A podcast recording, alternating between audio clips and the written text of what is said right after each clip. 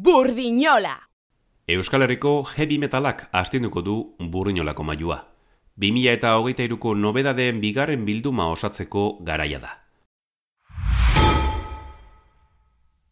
Iruñeko Damned Ritual Death Thrash Metal taldeak ez ustean harrapatu gintuen. Izan ere, martxoan Obliteration bigarren diskoa plazaratu zuten aurretik ezer esan gabe. Bagenekien estudioan sartuta ibilizirela, eta taula gainera itzultzeko asmoa zutela. Ordea, ez zuten detalle askorik eman. Horrela ere, aitortu behar dugu gustura hartu ditugula lan berriko bederatzi abesti zitalak. Damned Ritual, Free the Death.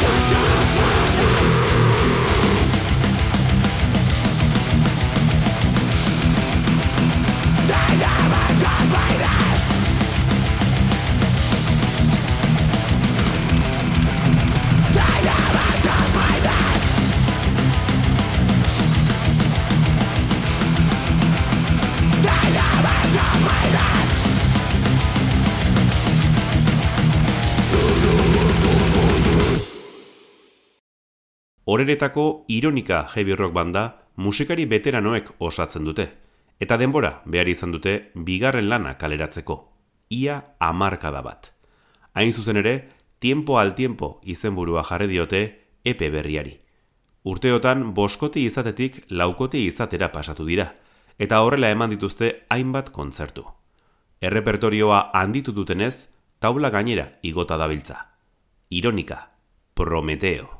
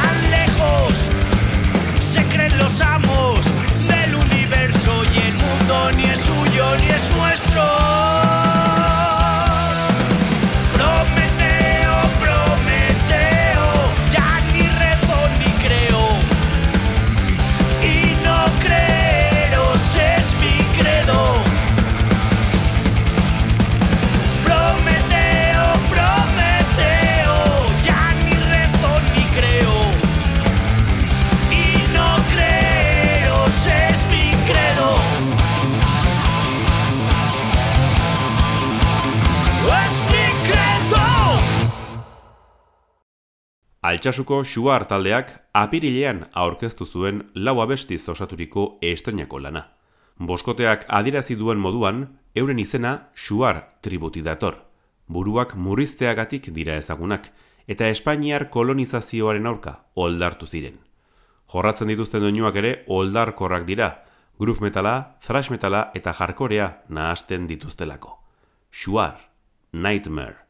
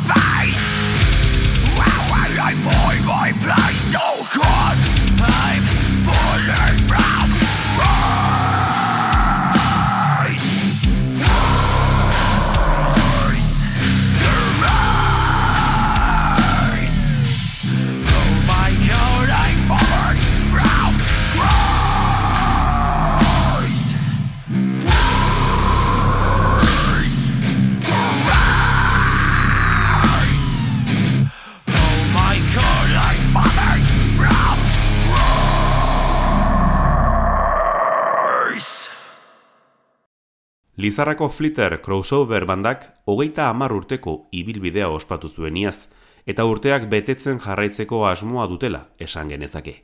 Aprilean single berri bat plazaratu zuten, bizitugun garaiari kritika zorrotza eginez. Egia esan, betidanik izan dira zorrotzak. Goikoen ametsak behekoen amesgaizto bihurtzen dituzten horiei eskaini diete ondorengo abestia. Flitter, malos tiempos.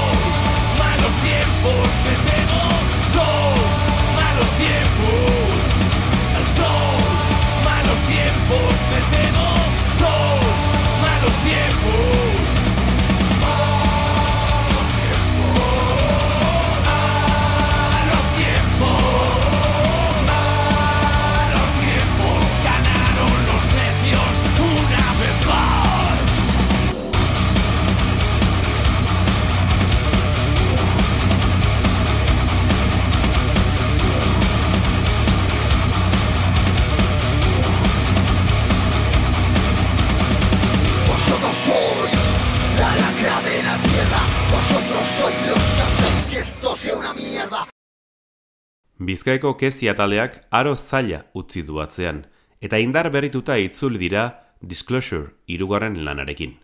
Maiatzaren bostean argitaratu zuten, eta euren doinu pisutsu eta gordinak laua izetara zabaltzeko gogotsu daudela erakutsi dute.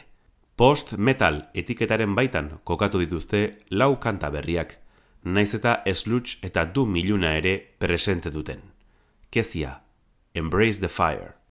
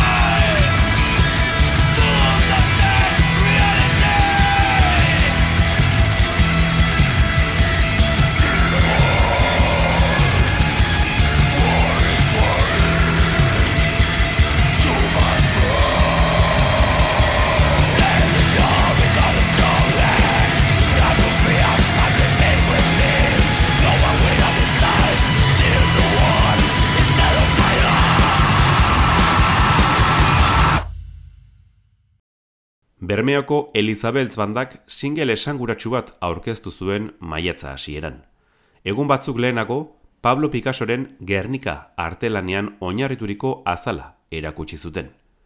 Apirilaren hogeita seian izan zen, Bizkaiko herria bombardatu zutenetik larogeita sei urte bete zirenean. Gertaera lazgarriaren ondorioak abesti batean islatu nahi izan dituzte, euren shock rock eta metal izaerarekin. Elizabeltz, bele beltz baten kanta.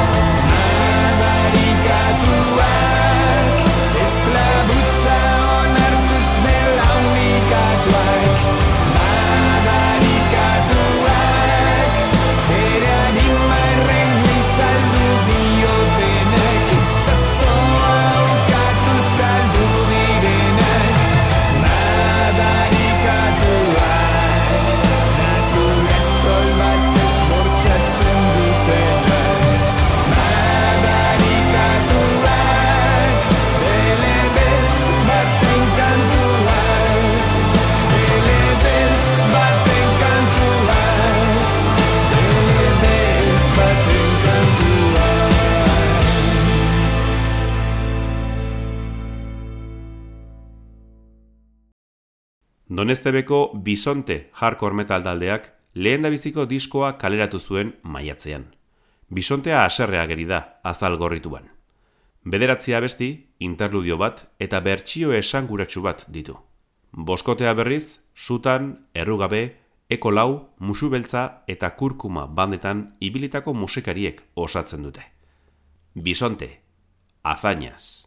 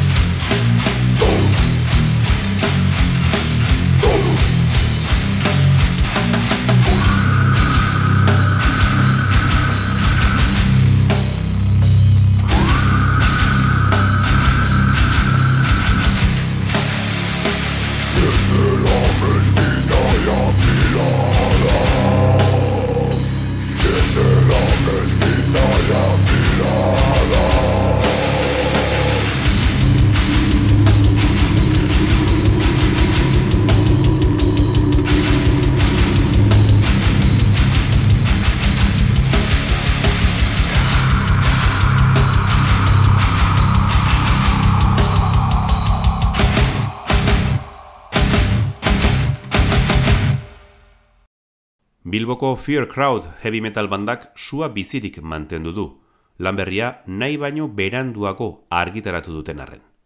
En llamas irugarren diskoak, beraien esentzia klasikoa mantentzen du, baina orain arteko soinu egokienarekin. Gaztelania zabesturiko jebia ere bizirik dagoela aitortu behar dugu, eta bizkaitarrak adibide moduan jar genitzake. Fear Crowd, El Tiempo Perdido.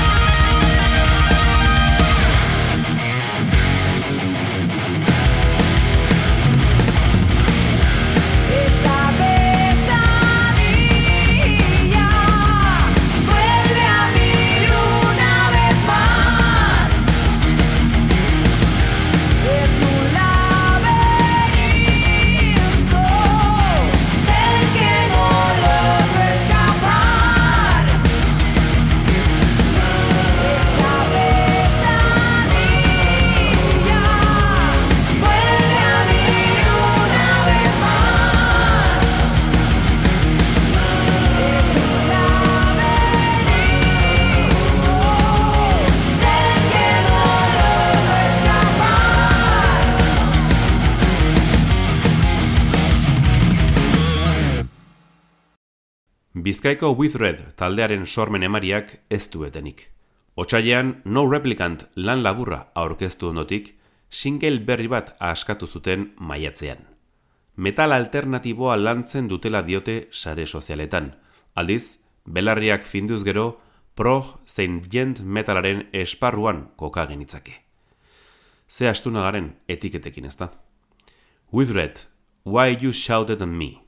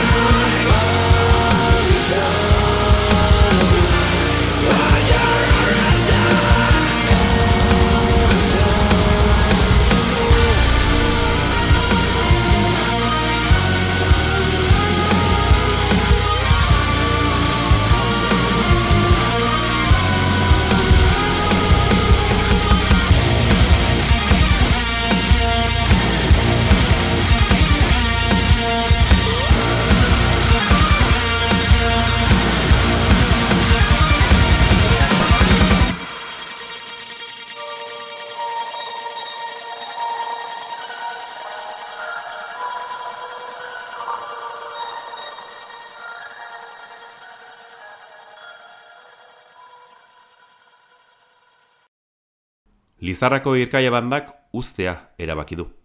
Apirilean iragarri zuten albiste txarra, baina urtea bukatu bitarte iraungo dutela gaineratu zuten. Baita kontzertuak emango dituztela despedida moduan.